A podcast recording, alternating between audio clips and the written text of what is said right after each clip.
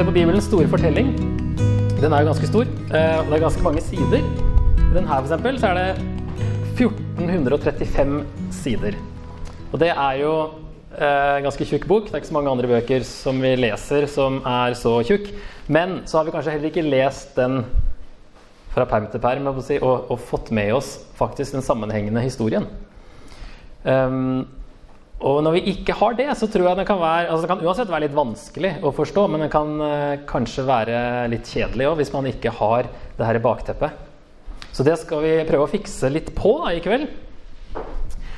Eh, og det er veldig nyttig å ha det overblikket for å se også hva hovedpoenget er.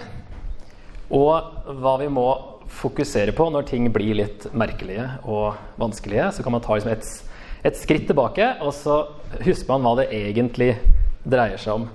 Og hovedpoenget i Bibelen det er ganske lett, for det er Jesus. Hele Bibelen handler om Jesus. Og det Nå skal jeg for første gang i mitt liv reklamere for en eh, barnebibel. Eh, Bibelen forteller om Jesus. Er det noen som kjenner den? Jeg har aldri vært så begeistra for en barnebibel før som den her. Ja, enig. Veldig bra. For den har virkelig skjønt dette her, at hver fortelling hvisker hans navn. Det, hver fortelling eh, settes inn i den store fortellingen, og det er liksom endelig en, en barnebibel som har skjønt at eh, det her henger sammen på et vis. At det ikke, at det ikke er liksom enkelthistorier som, som uh, si, har en annen funksjon, om det er heltefortellinger eller til inspirasjon, liksom, men det er faktisk én sammenhengende fortelling. Og når jeg åpna den her, eh, kjøpte den i julegave til mine døtre. da, Jeg visste egentlig ikke at den var så bra, men jeg hadde liksom litt, gjort litt eh, research og, og syntes det hørtes eh, interessant ut på, eh, bare på tittelen. Og så begynner det liksom introen. Den bare tok meg med en gang, for der står det da Noen tror at Bibelen er en bok full av regler som sier hva du skal og ikke skal gjøre. Jo da, det finnes regler i Bibelen. De viser deg hva du skal gjøre for at livet skal bli best mulig. Men Bibelen handler ikke mest om deg og hva du burde gjøre. Den handler om Gud og hva han har gjort. Andre tror at Bibelen er en bok om helter som viser deg hvem du burde prøve å ligne. Jo da, det finnes flere helter i Bibelen, men som du snart vil se, de fleste menneskene i Bibelen er langt fra heltemodige. De begår mange feil, med vilje noen ganger til og med og blir redde og flykter sin vei. Og til tider er de faktisk skikkelig slemme. Og så kommer den. Nei, Bibelen er verken en bok om regler eller helter. Bibelen er først og fremst en fortelling. Den handler om en ung helt som kom fra et land langt borte for å vinne tilbake skatten han hadde mistet. Bibelen er en kjærlighetshistorie om en modig kongesønn som forlater slottet, tronen, alt, for å redde den han elsker. Det hele er som et eventyr som har blitt virkelighet. For det beste med denne fortellingen er at den er sann. Det finnes mange historier i Bibelen, men alle er en del av den store fortellingen. Og hovedpersonen i fortellingen er et lite barn. Hver eneste historie i Bibelen hvisker hans navn. Han er den manglende brikken i puslespillet, den som gjør at alle de andre brikkene passer sammen, slik at du plutselig får se et vakkert bilde. Dette barnet er ikke som alle andre, for alt avhenger av denne lille gutten. Som en dag Nei, vent litt. Vår fortelling begynner der alle gode fortellinger starter. Helt i begynnelsen. Så det skal vi også gjøre, da. Men uh, jeg syns det var helt fantastisk en sånn introduksjon, som passer jo veldig bra med det vi skal se på i kveld. Um, så jeg tenkte først å starte, da. Er det noen som da vet hvor mange bøker det er totalt i Bibelen? 66. Um, og en sånn der, uh, huskeregel, for hvis man skal huske hvor mange det er i Gammeltestamentet, så kan du tenke da engelsk uh, Old Testament, og så tar du uh, antall bokstaver i de to, og så setter du de sammen. Så får du da 39, at det er 39 bøker i GT. Og det samme Nytestamentet. Der tar du også tre, og du tar ni, men du ganger og får 27. Og det går opp i 66. Ok, så det Eh, det er ganske mange eh, bøker som har da én sammenhengende historie. På, på, en eller annen måte så handler alt om Jesus. Og Jesus eh, sjøl, i slutten av Lukas, når han eh, forteller disiplene der, etter at han har stått opp igjen, så sier han det var dette jeg talte om da jeg ennå var sammen med dere og sa at alt måtte oppfylles som står skrevet om meg i Moseloven, hos profetene og i salmene. Og Der står det i neste vers at uh, da åpnet han deres forstand, så de kunne forstå Skriftene. Så de har heller kanskje ikke skjønt den store fortellingen før Jesus åpna forstanden deres. Så vi håper at Jesus åpner forstanden vår litt i kveld òg, til å forstå hvordan han oppfyller alt. Og når han sier Moseloven, profetene og salmene, så er jo da det egentlig et uttrykk for hele Gammeltestamentet. Det var sånn jødene, den tredelingen som jødene hadde på sin bibel. Loven er jo Mosebøkene. Også det som ikke er lovtekster. Men all fortellingene som står i Mosebøkene, kalles loven. Og så er profetene det er jo både noen av våre historiske bøker, Josva, dommerne, Samuelsbøkene og kongebøkene. Det er de eldre profetene. Og så er det de yngre profetene, som er de fleste av våre profetbøker. Da. Men så er det Daniel bl.a. havner i skriftene her i den jødiske inndelingen. Og når Jesus sier salmene i stedet for skriftene, så er nok det kanskje fordi salmene var eh, den eldste eh, boka der, og den største, sannsynligvis. da. Så han bare refererer til den opprinnelige boka, kanskje, i, i den siste kategorien. Vår inndeling er eh, litt annerledes, vi har da eh, historiske bøker først. Fra første Mosebok til Ester. Eh, vi har 17 historiske som liksom danner Det er liksom selve historien, da, som, vi, som blir liksom grunnlaget for det vi skal se på i kveld. Eh, og så har vi da den andre kategorier med noen poetiske. Fem poetiske og 17 profetiske da, som passer inn i tidslinja på den, her, den historiske eh, linja som de historiske bøkene lager. Eh, så det her skal vi nå gå over på hovedsliden, der disse da plasseres, bl.a. Så til slutt så blir det her en sånn veldig detaljert oversikt over hele Gammeltestamentet. Uh, hvordan Jesus oppfyller ganske mange ting som vi skal se på, og også hvordan bøkene hva de handler om, hva det, hva det, hvordan det passer inn. Så eh, det begynner jo med, som vi kanskje vet, i begynnelsen skapte Gud himmelen og jorden. Eh, og eh, det skjer et opprør ganske kjapt i kapittel 3. Det går liksom ikke en lang tid før det har egentlig gått eh, gærent. Eh, og Egentlig så fungerer alle de første elleve kapitlene fungerer som en innledning til resten av Bibelen. Der settes liksom scenen for hvordan det var tenkt å være, hvordan det eh, ble, og hva Gud gjør for å begynne da redningsplanen. Og så er det jo mange forskjellige tolkninger av det første kapittelet. Men én ting er altså at det første kapittelet eh, virker som det handler om, eh, ut fra andre tekster på den tida, at, eh, og ut fra Bibelen ellers òg, at det handler om at Gud lager et kosmisk tempel. Det beskriver hvordan Gud, altså hele skapverket, hele universet, er egentlig tempel for Gud. Der han eh, den sjuende dagen setter seg på tronen og begynner å regjere over eh, sitt skaperverk. Da. Um, så det er et tema som vi skal følge. Det er det tempeltemaet, for det er jo ganske viktig med det tempelet etter hvert. Um, men så dette opprøret når menneskene Og det syns jeg den barnebibelen sa så utrolig bra. At Gud sier 'ikke spis av det treet der', for da kommer dere til å tro at dere ikke trenger meg, og at dere vet best. Det var så utrolig bra sagt. Noe i den duren, i hvert fall. Så jeg syns bare forklarte det så veldig bra. Um, og det er jo det som skjer. Menneskene tror at de uh, klarer det best sjøl, og de vil da redefinere uh, ting. Og det har vi holdt på med siden. Vi vil ikke høre på Gud, vi finner vår egen sannhet. Eh, men allerede ganske tidlig da, i samme kapittelet, i 3.15, eh, så sier eh, Gud til slangen nå kommer jo, Hvis dere er veldig raske, så rekker dere å slå opp disse her. Men hvis ikke, så skal jeg lese de her, og så skal jeg lese det høyt og tydelig, så dere kan høre godt etter. da. Det sier Gud til slangen. Jeg vil sette fiendskap mellom deg og kvinnen, mellom din ett og hennes ett. Den, eller noen oversettelser har 'han', for det kan oversettes sånn også. Den eller han skal ramme ditt hode, men du skal ramme dens eller hans hæl. Og i denne mm, Bibelen Guds ord så sto det en fotnote eh, Nei, unnskyld, det var en annen som vi kommer til senere. Der den fotnota sto. Da tar vi ikke den nå. Men uansett så er det her regnet som den, som den eh, første liksom, Messias-profetien. Så det er et annet viktig eh, tema som vi skal se på. Så eh, nå handler liksom hele historien om hvordan eh, Gud og menneskene ble atskilt, og så handler jo hele Bibelen om hvordan de skal bli forent igjen, og hvordan det har begynt å skje med Jesus, men at det ikke har skjedd helt ennå. Og Den første delen av første Mosebok, vers, altså kapittel 1-11, handler om eh, Gud og verden.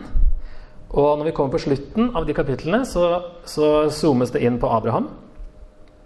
Um, og så um, handler resten av Første Mosebok om Abraham sin slekt. Og historien har gått ganske fort fram til Abraham, og så, og så roes det ned, og det går mye saktere. Og vi vet altså Da blir det mer sånn historie sånn vi kjenner det. Det er vanskelig å datere de hendelsene i første elleve kapitlene.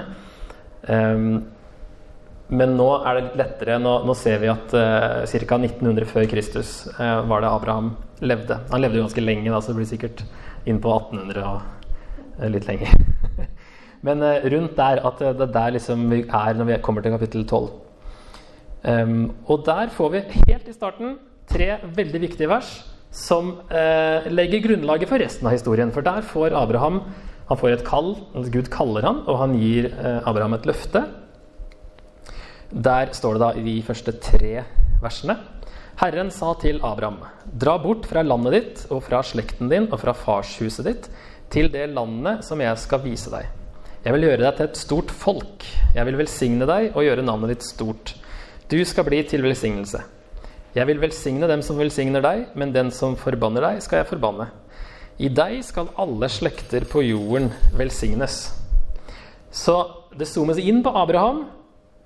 Fra, alle, fra hele verden inn på Abraham, og så zoomes det rett ut igjen til at målet er alle nasjonene.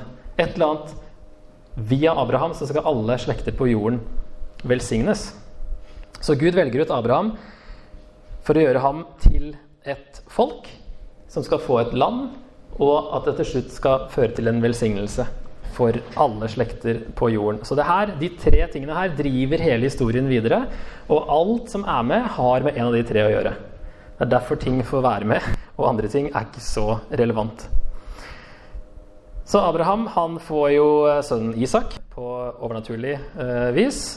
Um, og så får Isak Jakob, og så får Jakob tolv sønner. Og de tolv sønnene blir eh, disse tolv stammene, som da etter hvert utgjør Israel. Uh, og når Jakob da dør i uh, kapittel 49, så velsigner han alle disse tolv sønnene sine. Og så kommer han med et, en setning da til Juda, en av disse sønnene. Der det står at i 49 vers 10 Septer skal ikke vike fra Juda, eller herskerstav fra hans føtter. Til han som eier den, kommer han som folkene skal lyde. Så snakker vi om septer og herskerstav, så er det, det er sånn kongerekvisitter. ikke sant? Her skal det, det komme en konge fra Juda, er jo det løftet han får. Så her snevres det inn fra at i Første Mosebok 3 så var det en etterkommer av Eva som skulle tråkke på slangen. Eh, så er det en etterkommer av Abraham som skal bli til velsignelse. Og, her, eh, og så er det Jakob, da, og så blir det en av Jakobs sønner, Juda, som blir liksom hovedslekta som følges.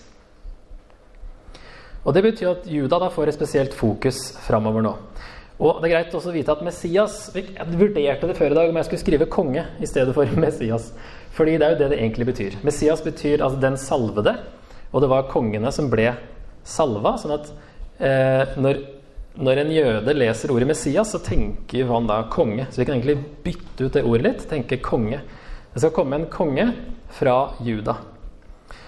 Og så står det òg at eh, helt på slutten her, 'han som folkene skal lyde'. Og det har jo noe å si for de andre nasjonene, tydeligvis. Så da har jeg trukket en sånn stipla linje fra velsignelsen her. Det er noe vi aner at det kanskje kan komme noe eh, noe for nasjonen også ut av dette her. Så det, havner du i Egypt. og Det er jo sånn baklengs. Vi forventer at, eh, at det skulle gå veldig sånn eh, sus og dus framover nå. Gud har gitt et løfte. Nå er vi på vei til Messias og velsignelsen til alle folkeslag. Og så havner de i stedet i Egypt i slutten av første Mosebok, og så blir de der ganske lenge og blir etter hvert eh, slaver. Um, liksom mye av det motsatte da, av land, folk og velsignelse. Det er i hvert fall ingen velsignelse å være slave, og de er i et annet land og under et annet folk. Så det er sånn litt sånn eh, noe annet enn det vi skulle forvente. Men de blir i hvert fall så mange at egypterne blir bekymret. Eh, og så får de da etter hvert eh, møte Gud på fjellet. Og her har vi da røyk, som dere ser, fordi det er sånn spesialeffekter når Gud dukker opp der. Så er det så skummelt at de egentlig ikke tør å, å møte Gud. Eh, men der, et annet vers der, etter de hadde kommet ut av eh, Egypt, så når de står der foran fjellet, så sier eh, Gud i 2. Mosebok 19, vers 4-6 Eh, da har de blitt et folk, så da har jeg liksom begynt å oppfylle den allerede i andre Mosebok. Og det sier Gud her, da. Dere har sett hva jeg gjorde med egypterne, og hvordan jeg løftet dere på ørnevinger og bar dere hit til meg. Hvis dere adlyder min røst og holder min pakt, skal dere være min dyrebare eiendom framfor alle andre folk, for hele jorden er min. Dere skal være et kongerike av prester og et hellig folk for meg. Så her får de da loven som grunnlov. De blir eh, en nasjon og får sin egen lov. Og de skal også være et kongerike av prester, sier Gud. Og prestene var jo mellommenn mellom Gud og resten av folket. Og de sto da i en sånn posisjon at de skulle gi kunnskap om Gud til folket, og de skulle ta ofringer fra folket til Gud. Og så sier Gud at hele folket her skal være som prester og at de, Israel da ble utvalgt til å gi kunnskap om Gud til alle andre folk. Og hjelpe alle andre folk til å bli forsona med Gud. Og I GT så handler det mest om at de skulle tiltrekke de andre folkene.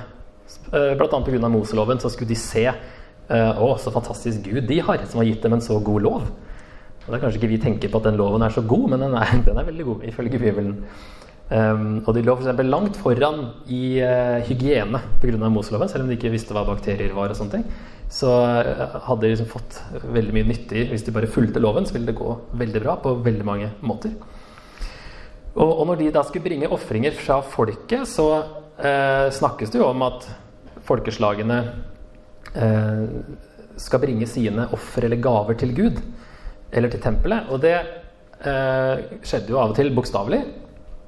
Ehm, selv om det ikke kunne gå helt inn, eh, så var det noen som ble tiltrukket og kanskje ville ofre litt. Men eh, det står også at folkeslagene selv skal være offergaver. Og det virker som at det heller er et bilde på veldig langt fram i tid, denne velsignelsen. Ehm, så den tror jeg vi trekker en eh, liten strek til. Når folkeslagene blir på en måte offer, offergaver til Gud når de kommer til tro på Israels Gud. Og så sier han jo også at det er framfor alle andre folk, for hele jorden er min. Altså det handler Det er et eller annet De blir utvalgt eh, framfor alle andre folkene. De andre folkene er også inne i bildet. Og så blir utgangen sitt eget tema. Eh, som òg er veldig viktig, faktisk. Et av de viktigste temaene. Selv om det ikke skjer så veldig mange utganger, så er det et veldig viktig eh, bilde som brukes. Og en slags definisjon på hva utegangen her er, eh, det er altså at de settes fri fra slaveri, får en relasjon til Gud og blir hans folk. Og så har jeg fargelagt de her ikonene litt sånn etter eh, hva det hovedsakelig handler om i de forskjellige bøkene, da. Eh, selv om det er mye som hver bok tar opp. Så ut av Egypt har de kommet, og så får de Moseloven, eller får de ti bud og begynner å få noen lover. De får jo lover utover i tredje og fjerde Moseboka. Men når vi kommer til kapittel 25, den siste tredjedelen av andre Mosebok, den tror jeg ikke vi leser like mye som den første, eh, første to tredjedelene. For der får Moses de her beskrivelsene av hvordan eh, han skulle bygge telt helligdommen. Eh, mange detaljerte kapitler som ikke er så relevante for oss, og ikke så eh, spennende. Og så kommer de på nytt, blir repetert en gang til, for å vise at Moses bygde det akkurat sånn som Eller at de bygde det akkurat som Moses hadde fått beskjed om. Så det blir liksom dobbelt opp med alle de her beskrivelsene.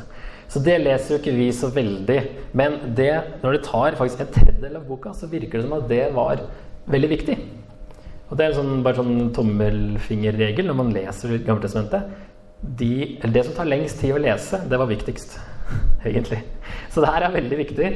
Um, for det her blir et sted Det er jo det tempel er, egentlig. Et sted der himmel og jord møtes. Og det er en smak på hva som venter i framtiden, som hele historien går mot. At himmel og jord skal møtes. Og så slutter det i siste avsnittet i andre Mosebok så står det at denne skyen som hadde gått foran dem, der Guds herlighet var i denne skyen som gikk foran dem om dagen, og en sånn ildstøtte om natta. Eh, når de hadde slått leir, da. Men den skyen på dagen, den tar bolig, står det, i telthelligdommen.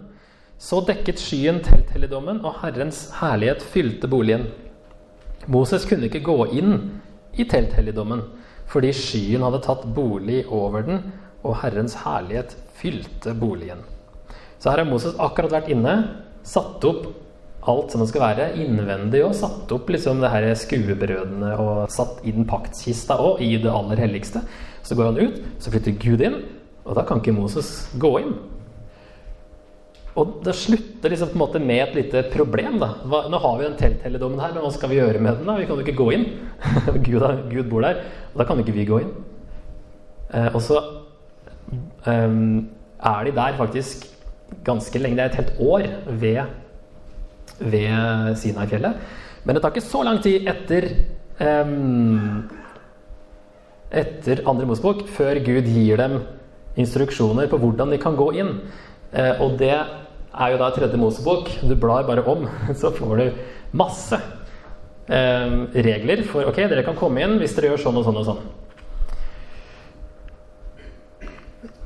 Så der um, ja, dro en linje der òg til tempelet, siden det handler om hvordan de kan være sammen med Gud på jorda. Kan ikke bare gå inn akkurat som de vil. Gud er hellig, menneskene er syndige. Gud vil bo, bo blant dem, men det må gjøres på riktig måte. Så han gjør det mulig for dem å bli rensa, sånn at de kan ha en relasjon med han. Og så, etter å ha vært der et år, så begynner de å gå videre. Og de går jo rundt i ørkenen i da totalt eh, ca. 40 år. Eh, det er fordi de ikke stolte på Gud, faktisk. De ville jo ikke til det lovede landet. De ville tilbake til Egypt. Og de holder på å et punkt i eh, Fjerde Mosebok vel, eh, velge seg en ny leder som skal ta dem tilbake til Egypt. Så de vil jo ikke gå i den retningen Guds frelsesplan går. Så de 40 årene er jo for at den generasjonen skal rett og slett dø ut. Så neste generasjon kan få lov å gå videre. Så um, 40, er ofte en sånn, 40 år er ofte en generasjon da, i, i Bibelen. Så femte Mosebok, da, når du kommer dit, så er vi på slutten av de 40 årene. Og da er den nye generasjonen vokst opp, og de eh, står nå på grensa til landet. Og Moses holder egentlig en lang tale der han gjentar loven for eh, denne nye generasjonen. Og de òg inngår samme pakt med Gud, lover å holde loven osv. Og, så og de er faktisk en veldig bra generasjon. Det er kanskje den beste generasjonen i hele Gammeltestamentet. Det, det går veldig bra helt til Josva dør, og da går det dårlig igjen. da. Så da er det her denne erobringen av landet som skjer. Eh, og da oppfylles dette løftet om et land. Um, og da kan vi lese på slutten av Josva, i kapittel 21, så står det vers 43. Slik ga Herren Israel hele det landet som han med ed hadde lovet å gi fedrene deres. De inntok landet og bosatte seg der. Herren lot dem finne hvile og ha fred på alle kanter, slik han hadde lovet fedrene. Ingen fiender kunne stå seg mot dem, for Herren ga alle fiender i deres hender. Alle løfter som Herren ga til Israels hus, ble oppfylt. Alt skjedde slik det var blitt lovet. Da understrekes det både alle og alt og hele landet. Så her er liksom alt eh, oppfylt. Og det skjedde da etter eh, Bibelens tall i 1406. Eh, som du ser, da 40 år etter utgangen i 1446. Og nå har jeg valgt symbolet en sånn dommerklubbe. For det syns jeg beskriver, eller forklarer litt det her. For det her er jo sånn, litt sånn voldsomt å lese disse krigene som skjer. Men det hjelper oss å forstå de krigene hvis vi husker på at det alltid er en dom som skjer, og det er dom over det onde. Og at i Bibelen er dom alltid en god ting. og at Gud dømmer det onde nettopp fordi han er god. Og så beskriver ikke Bibelen alltid i detalj hvor onde de var, disse folkene. Det, vi, det finner noen spor andre steder, og kanskje i andre kilder. Og så har vi det også for godt, egentlig, til å forstå at dom kan være en positiv ting. Skal ikke dømme noen, skal ikke fordømme noen. Det er det vi liksom har innprenta.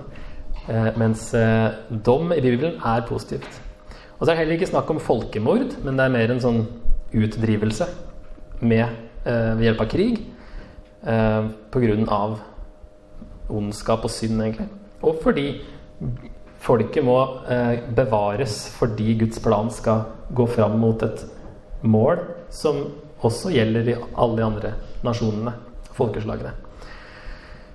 Så som sagt, det går bra helt til Josva dør og en ny generasjon vokser opp. Og da kommer dommertiden, som eh, regnes som ca. 300 år, der ting egentlig bare blir verre og verre. Eh, og forsøkte å tegne en sånn nedadgående spiral. Fordi det går i sykluser hele veien. hver ny generasjon glemmer Gud, begynner å tilbe andre guder. Så gir de Gud dem over til en fiende, så de skal skjønne at de har gjort noe gærent. Eh, og så skjønner de det, og så roper de til Gud om hjelp. Og så reiser Gud opp en dommer eh, som redder dem, og så har de fred i en periode. Helt til neste generasjon, og så skjer det samme igjen. Så det er en sånn syklus, jeg tror tolv dommer eller noe sånt nå i den boka, eh, der det går rundt og rundt og rundt, og blir kanskje bare verre og verre. Eh, det er jo den mørkeste boka i Bibelen pga. hvordan folket oppfører seg. Og de dommerne og mange av de er egentlig ikke så mye bedre enn folket, men Gud bruker dem i hvert fall til å, til å redde folket. Og Gud går på ingen måte god for alt det folket gjør i dommernes bok, og egentlig, egentlig ikke i resten av Gammeltestamentet heller. De gjør veldig mye feil, folk i GT, og det, det er vi enige om. Og det, Gud står ikke bak alt de gjorde, selv om det ikke sies i teksten. Um, så i boka her så er Gud trofast, folket er ikke trofast, og de fortjente på ingen måte Guds trofasthet. Uh, Ruths bok er et lite lyspunkt, der du ser at det fins noen gode mennesker. Uh, og det faktisk uh, Ruth er jo med i Bibelen fordi siste ordet i Ruths bok er David. Så hun blir en stammor til David. Derfor får hun hele boka her. Denne historien tar vi med, for det handler om David. Som etter hvert peker fram mot Jesus. Og så viser også dommernes bok at en konge var nødvendig. Det, eh, mot slutten av boka så er det en setning som gjentas eh, tre-fire ganger, tror jeg. Og den aller siste eh, setningen eh, lyder som dette her. I de dager var det ingen konge i Israel. Hver mann gjorde det som han selv fant for godt. Og det ligger litt sånn i linjen at, eh, eller mellom linjene at de trengte egentlig en konge til å styre seg. Så det er det neste. Samuelsbøkene. Der eh, blir kongedømmet opprettet. Folket vil ha en konge, og Gud gir dem en konge. Han gir dem Saul. Men han gir dem Saul fordi folket skal forstå at den type konge de tror de trenger, ikke er den kongen de faktisk trenger. Eh, navnet Saul betyr faktisk 'bedt om'. Så, og han var fra Benjamins stamme, han var ikke fra Judas stamme. Kongen skulle komme fra Juda. sant? Saul er fra feil stamme helt fra starten av. Men Gud gir dem Saul for at de skal skjønne at dere kan ikke se på sånne typiske ting som alle ser på når de skal ha en konge. En som er høyere enn alle andre, som er sterkere, tøffere, kjekkere. og sånne ting. Det er ikke det som gjelder. Eh, og det måtte de kanskje skjønne eh, ved å oppleve det. Så eh, David er jo den kongen som er av riktig stamme. Judas stamme, det løftet fra første Mosebok 49. Og han er også den kongen som alle senere konger måles opp mot, og aldri når helt opp til David. Så her David var en Messias. Alle kongene var som sagt Messiaser, kanskje med liten M. Eh, og så får David samtidig som han liksom oppfyller det her med å bli den jordiske kongen, så får han et løfte av Gud i 2. Samuel 7 der det står i vers 16 at eh, ditt hus og ditt kongedømme skal stå fast til evig tid for mitt ansikt, og din trone skal stå støtt til evig tid. Så Davids hus, Davids dynasti, hans etterkommere, vil alltid, det vil alltid være en Davids etterkommer på tronen. Kommer alltid til å være en Messias fra Davids slekt som konge. Så her snevres det inn fra hele Judas stamme til David. Og en etterkommer av David skal bli Messias. 1000 er jo ca. årstallet det her skjer. Sånn veldig eh, rundt regna år 1000, for det er lett å huske på. Før Kristus. Men det er også faktisk antall ganger David er nevnt i Bibelen. Han er nevnt over 1000 ganger. Han er nevnt mer enn Jesus. Hvis ikke vi tar med Kristus, så da vinner Jesus. Men David som vanlig jordisk person nevnes eh, mest. Over 1000 ganger. Og det er jo fordi profetene senere, når de snakker om denne Messias som skal komme av David, så kaller de Messias for David. Så derfor blir David også et navn på Jesus, på en måte. Så derfor brukes det så mye. Og så er det kongetiden etter det. Salomo er neste konge. Eh, og etter det så blir riket delt. og Da er vi i kongebøkene, krønikebøkene, som eh, er jo ganske parallelle. Bortsett fra at krønikebøkene bryr seg egentlig bare om David, eh, i, Davids slekt i Sørriket, etter det blir delt i nord og sør. Men før det, så lenge det er forent, så bygger Salomo tempelet, som David hadde ideen til og gjør forberedelsene til. Men det er Salomo som bygger det, og det er i første kongebok 6 til 8. Etter at han har bygd det, så står det at um, da alt var ferdig Prestene hadde vært inne og ordna i stand. Så står det at det går ut i første gangbok 8.10. Da prestene gikk ut av helligdommen, fylte skyen Herrens hus. Prestene kunne ikke stå og gjøre tjeneste pga. skyen, for Herrens herlighet fylte tempelet. Så der skjer det samme som med teltet i andre Mosebok, at Gud på en måte godkjenner det her som sin bolig og flytter inn. Og så står det òg senere i kapittel 8 i vers 41 så ber Salomo Han har en lang sånn eh, åpningsbønn. Eh, sånn innvielsesbønn av tempelet. Der han ber bl.a. og sier dette her. Det kan også hende at fremmede som ikke hører til ditt folk Israel, kommer fra et land langt borte for ditt navns skyld. For de skal få høre om ditt store navn, din sterke hånd og din utstrakte arm. Når de så kommer og ber, vent mot dette huset, da må du høre dem i himmelen der du troner, og gjøre alt det de roper til deg om. Slik skal alle folk på jorden lære navnet ditt å kjenne, og de skal frykte deg slik ditt folk Israel gjør, og vite at navnet ditt er nevnt over dette huset som jeg har bygd. Så her kan vi òg trekke denne velsignelsen har vi tydeligvis inn i bildet her òg. Alle nasjonene skal bli berørt eh, på en eller annen måte. Eller kan bli berørt, i hvert fall høres ut som her. Og så eh, blir riket delt, da, som sagt, i nord og sør. Davids slekt i Sørriket. Derfor ligger egentlig hovedfokus der, og derfor er det krønikebøkene bryr seg bare om det. For så vidt òg fordi den er skrevet såpass sent at eh, Nordriket er borte når han skriver. Og det er ikke så mye vits å bry seg om det, kanskje. Um, I Nordrike så er ingen av kongene gode. Og det, altså Gode betyr gudfryktig i bibelsk definisjon. Ingen av dem bryr seg om Gud og loven, og derfor er folket heller ikke så mye bedre. Um, så de uh, forsvinner jo på 700-tallet, blir tatt av asyrerne og blir borte. Egentlig for alltid. Um, og i Sørriket, i Juda, altså Jerusalem, så er det uh, ca. 50-50 gode konger og onde konger. Det er jo, Skulle ønske det var bedre, men det er i hvert fall mye bedre enn i nord. Eh, men det er veldig opp og ned. Um, og så har jeg brukt det sjakk, uh, sjakkongen, fordi på en måte en mindre konge enn en krone.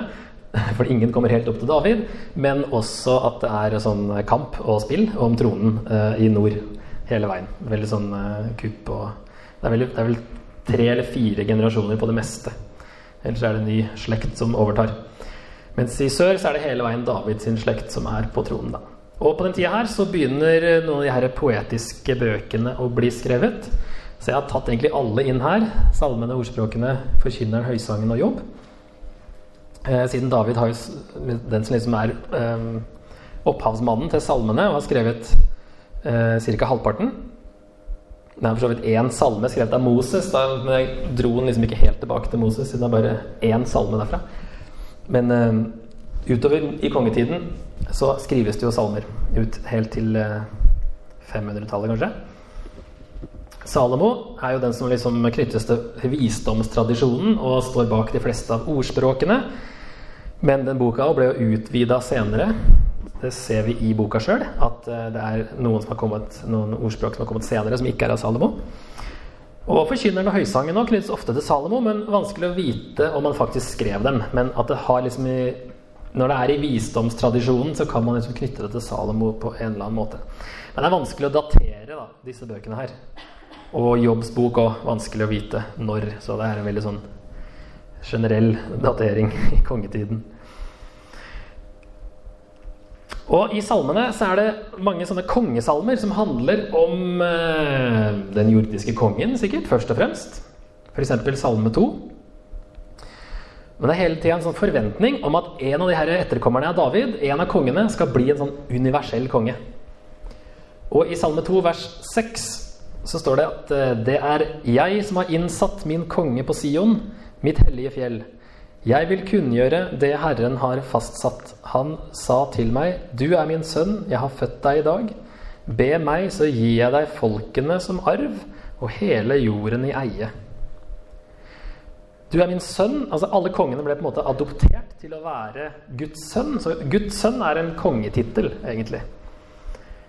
Um, og så er det jo her folkene i arv og hele jorden i eie. Her har vi fortsatt den her lille stiplede linja som ligger litt sånn under overflaten og snakker om at et eller annet skal skje med folkene. Og alle disse kongene, mange etterkommere av David eh, Noen kommer veldig høyt opp. Hiskia, Joshia, men de kommer ikke helt opp til David. Ingen når helt opp til David, men noen er bra. Eh, men alle skuffer på en eller annen måte. Og så venter man liksom hele tida. Med hver ny konge så er det, liksom, er det kanskje denne kongen som skal liksom bli få makt over hele jorda. Når kommer den store kongen?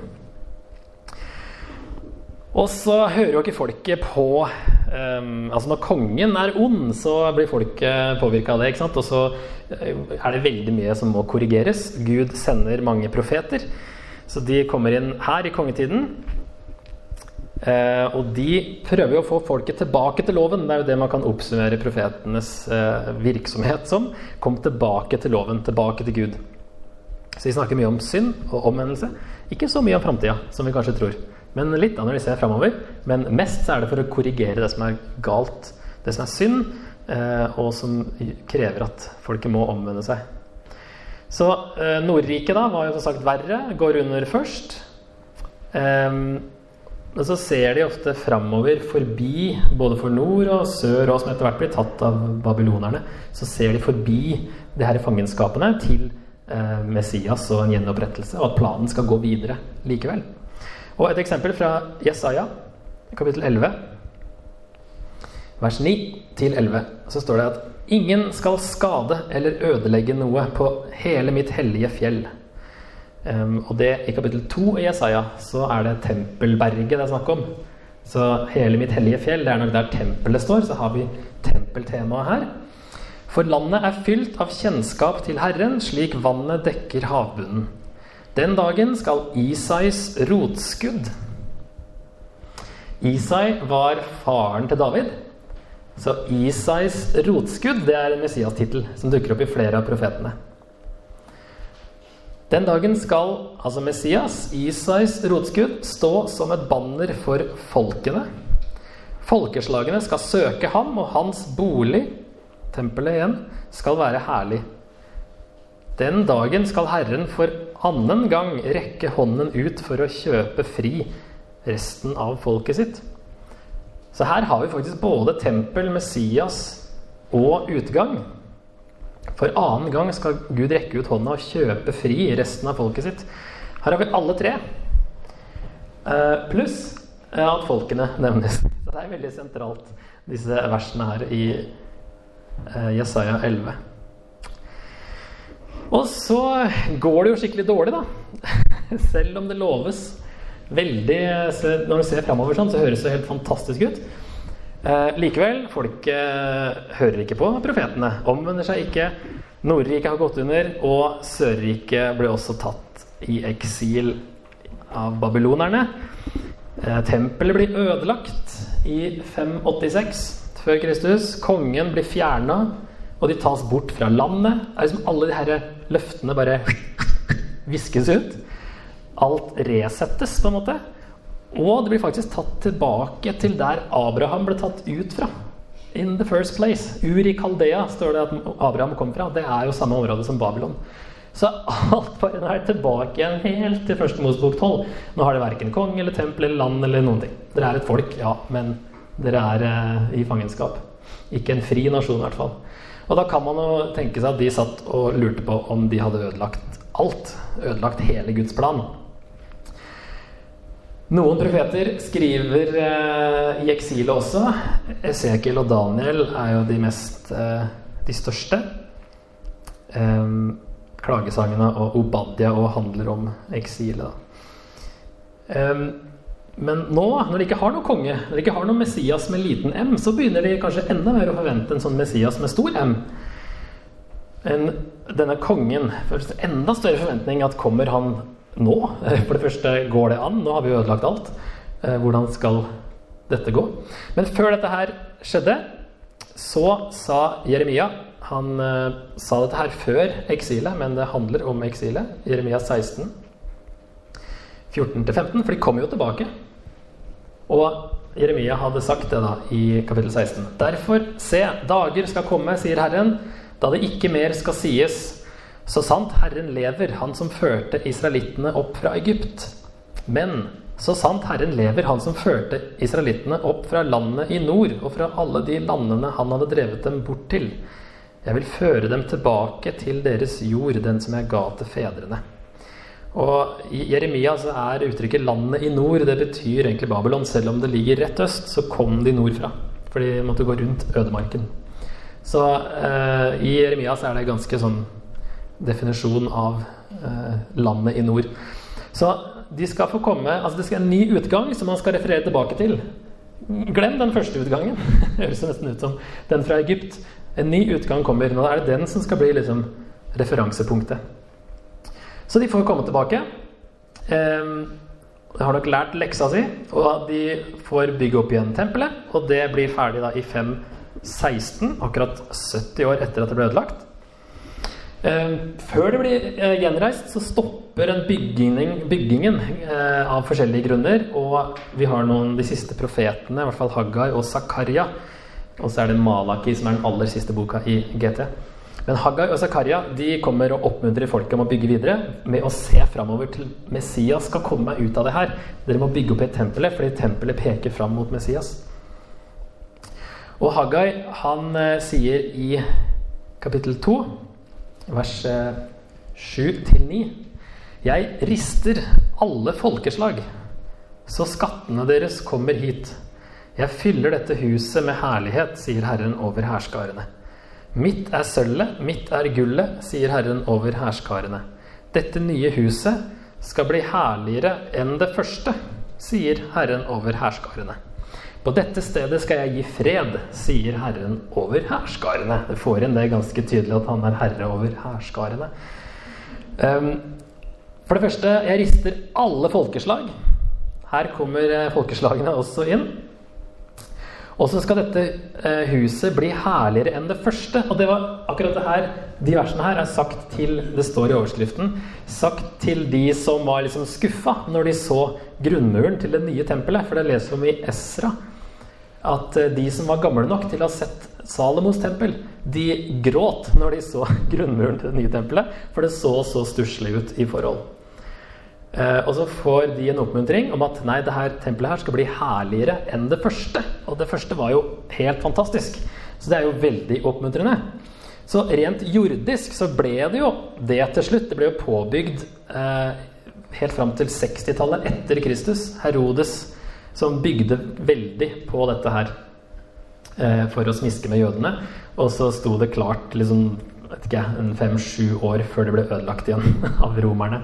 Men i hvert fall så ble det helt vanvittig bra, eh, sånn jordisk. Men når Gud sier at 'jeg fyller dette huset med herlighet', så gir jo det assosiasjoner tilbake til det vi leste i første kongebok 8 med tempelet, da Gud fylte huset med sin herlighet, den skya, og det samme i andre Mosebok. Men når vi leser i Esra 6 Når tempelet blir ferdig, så står det i vers 14 Judeernes eldste bygde og hadde god fremgang ved profetiene til profeten Haggai og Zakaria, Iddos sønn. De fullførte byggingen etter befaling fra Israels gud og etter befaling fra perserkongene Kyros, Daraios og Artaserkses. Huset ble ferdig den tredje dagen i måneden Adar i det sjette året Daraios var konge, altså i 516. Men det nevnes jo ikke noe sånn Guds herlighet fylte tempelet, og ingen kunne gå inn. Og sånn, Det tror jeg de ville ha tatt med hvis det skjedde. Det er jo ikke en sånn ting man ikke gidder å nevne. Tror jeg. I hvert fall når det har skjedd to ganger før. Hvorfor ikke? Haggai hadde jo på en måte Hørtes ikke sånn ut, da? Haggai lovte jo at Gud skulle fylle det med herlighet. Esekiel har sagt det samme. At uh, han hadde en visjon om at uh, denne Guds herlighet, denne skyen, kom tilbake. Det som er interessant da, og gøy i vers 7, når det står eh, 'Jeg rister alle folkeslag, så skattene deres kommer hit'. Der ligger det en sånn interessant tvetydighet. Skattene deres kommer hit. Hvis noen har Bibelen Guds ord, så står det 'De skal komme til alle folkeslagenes lengsel'. Og der var den fotnota som jeg kom på i stad. Der står det 'kanskje Messias'. står det alle folkeslagenes lengsel. Fordi lengsel og skatter det er liksom samme ordet, fordi man lengta som regel etter en skatt. Så å si. Etter skatter. Og bli rik. Men eh, kan det være noe mer med det løftet her? At det ikke er eh, jordiske skatter? Kanskje det er lengsel er en bedre oversettelse?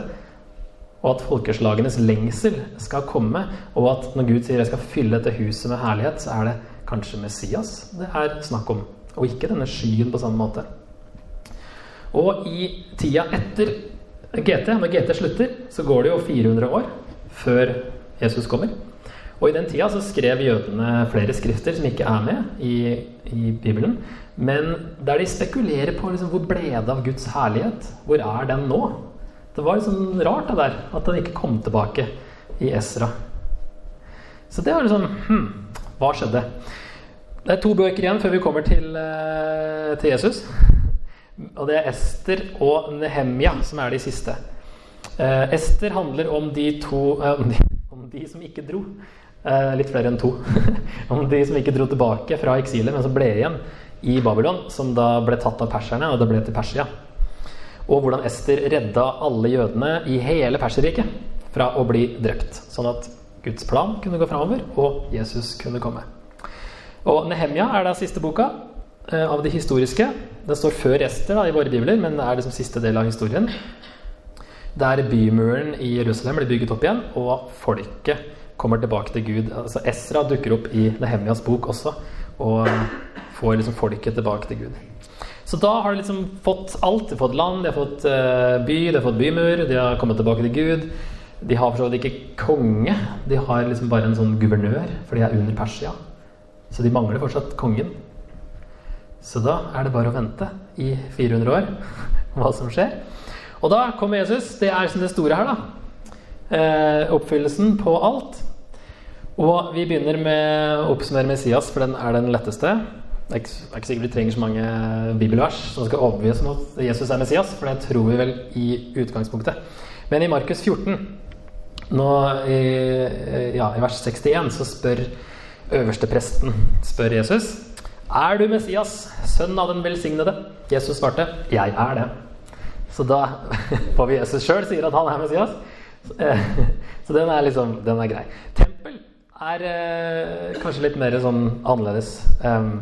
Skal se på flere vers der, i Johannes evangelium og Johannes åpenbaring. I Johannes 1,14 så står det at ordet ble menneske og tok bolig iblant oss. Og Ordet 'tok bolig' betyr bokstavelig 'slå opp teltet'. Så det ringer jo i hvert fall en sånn grammatisk, språklig bjelle tilbake til andre Mosebok. Teltet der Guds herlighet bodde. Nå kommer ordet selv og blir menneske og slår opp sin bolig. Og så står det 'Vi så hans herlighet'. Den, en herlighet som den enbårne sønn har fra sin far, full av nåde og sannhet. Guds herlighet kommer plutselig på en helt annen måte i Jesus. Slår opp teltet sitt, går rundt blant folk. Og ikke en sånn herre ganske utilgjengelig eh, nærvær inne i det aller helligste. Nå har plutselig det aller helligste kommet ut blant folk. Og så kalles jo Jesus Ordet også.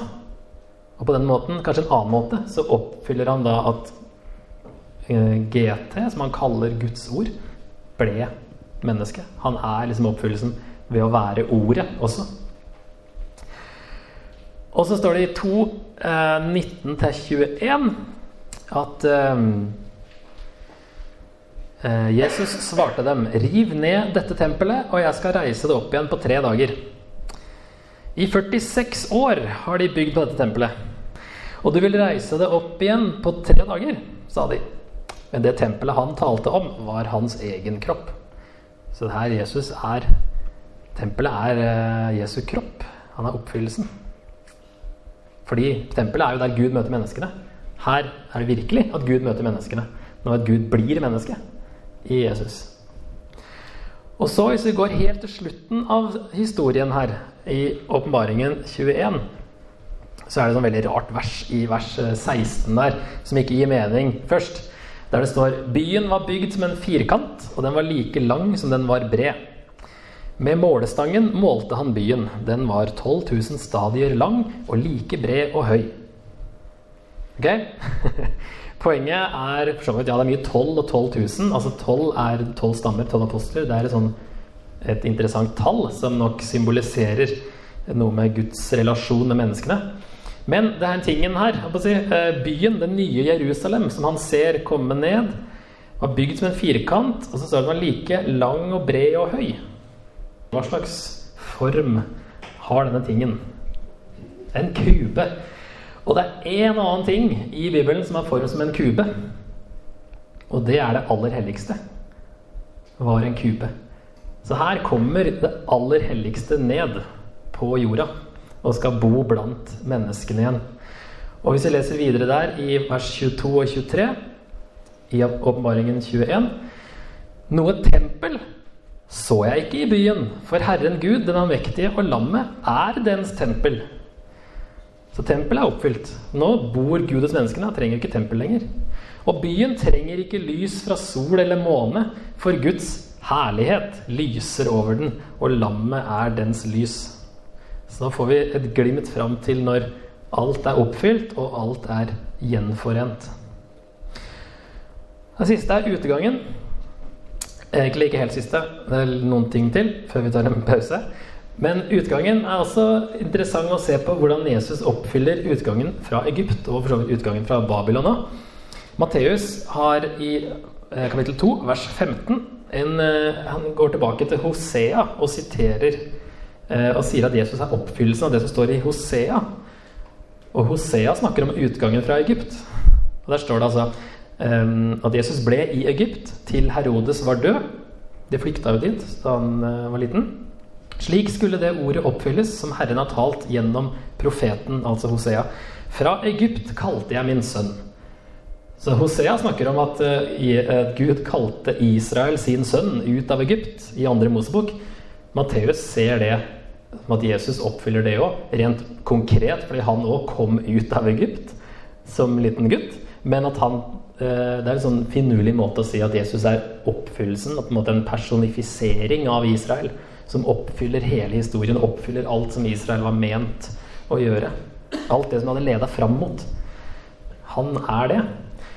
Og i Lukas 22, det er nattverdsordene der, når Jesus innstifter nattverden, så er det jo egentlig påskemåltidet de holder, og det er til minne om utgangen fra Egypt.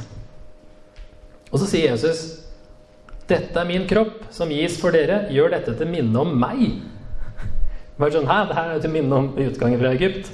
Og så Jesus, gjør det til minne om meg. Gir det en helt ny mening. På samme måte tok han begeret etter måltidet og sa dette begeret er den nye pakt i mitt blod, som blir utøst for dere. Han er selve påskelammet, og han gir påsken et nytt innhold. Og oppfyller denne utgangen fordi han befrir oss fra et annet slags slaveri, et dypere, mer grunnleggende slaveri, og gjør oss til sitt folk og setter oss i relasjon med Gud. Og det skjedde på en jordisk måte med, eh, i andre Mosebok og i i Esra, da, når de kommer tilbake. Så Jesus eh, oppfyller det på en dypere åndelig måte. Velsignelsen den eh, har ikke helt fått sin oppfyllelse ennå, så den får det nå. Galaterne 3, vers 6 9 og vers 14 og 16. Så står det her om Abraham heter det Han trodde Gud, og derfor regnet Gud ham som rettferdig. Så forstår dere at det er de som tror, som er Abrahams barn. Altså ikke bare jøder, men alle som tror, sier Paulus, er Abrahams barn. Fordi Abraham trodde og ble frelst på den måten. Skriften forutså at Gud ville rettferdiggjøre hedningene ved tro, og den forkynte på forhånd dette gode budskapet til Abraham. I deg skal alle folkeslag velsignes. Det sier Paulus er eh, at eh, Gud ville rettferdiggjøre hedningene, oss, ved tro. Derfor blir de som tror, velsignet sammen med den troende Abraham. Og I vers 14 står det slik skulle Abrahams velsignelse komme til folkeslagene i Kristus Jesus. Og enda tydeligere i vers 16 Gud ga løftene til Abraham og hans ett. Det står ikke 'til dine etter', som om det gjaldt mange, men det blir talt om én, til din ett. Og det er Kristus sier Paulus der. Løftene gjaldt egentlig ikke Israel og alle etterkommere av Abraham. Det gjaldt Jesus. Abraham og Jesus, liksom. Kristus. Han er oppfyllelsen av løftene som Abraham fikk. Og da kan vi jo trekke en strek fra folket der i andre Mosebok òg, bort til at plutselig er folket blitt noe større òg. Det er blitt alle som tror er Abrahams etterkommere. Og landet. Det blir vel siste streken, tror jeg. landet som ble oppfylt i Josva, får òg en ny eh, Ja, en ny tolkning i Hebreerne 4.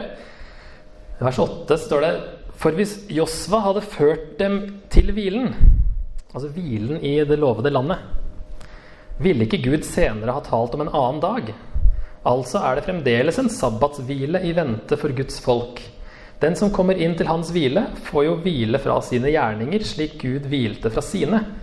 La oss derfor ivre etter å komme inn til denne hvilen, så ingen faller fra pga. samme slags ulydighet. Og så er det en artig ting da, på både gresk og hebraisk og mange språk, ikke norsk og engelsk, men mange andre, at Josva og Jesus er samme navnet, egentlig. Så Josva den første, han fikk ikke folket inn i den endelige hvilen.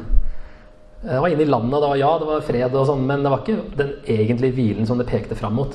Jesus, Josva den andre, han får folk inn i den hvilen som var det som var egentlig ment her. Så da eh, har vi fått dratt og samla alt i Jesus. Eh, han oppfyller alt i GT på en eller annen måte. Fordi han er målet med hele historien.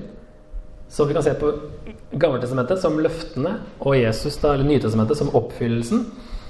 Og eh, hvis, altså, hvis man skulle stå i fare for å tenke at Kristus er etternavnet til Jesus, så har man liksom løsrevet Jesus veldig fra den historien her og alle forventningene om Messias som skulle komme. Og det har vi kanskje gjort. Vi har ikke helt uh, satt oss inn i denne bakgrunnen og alle de trådene her som samles i Jesus. Så det er en helt utrolig historie. Verdens beste historie. Som òg gir det beste svaret på virkeligheten, alt dette her. Det er helt utrolig. Så da lar vi den stå, så kan dere få la den synke i en pause. Har jeg snakka i ett kjør her, så nå må dere få lov å åpne munnen. ja.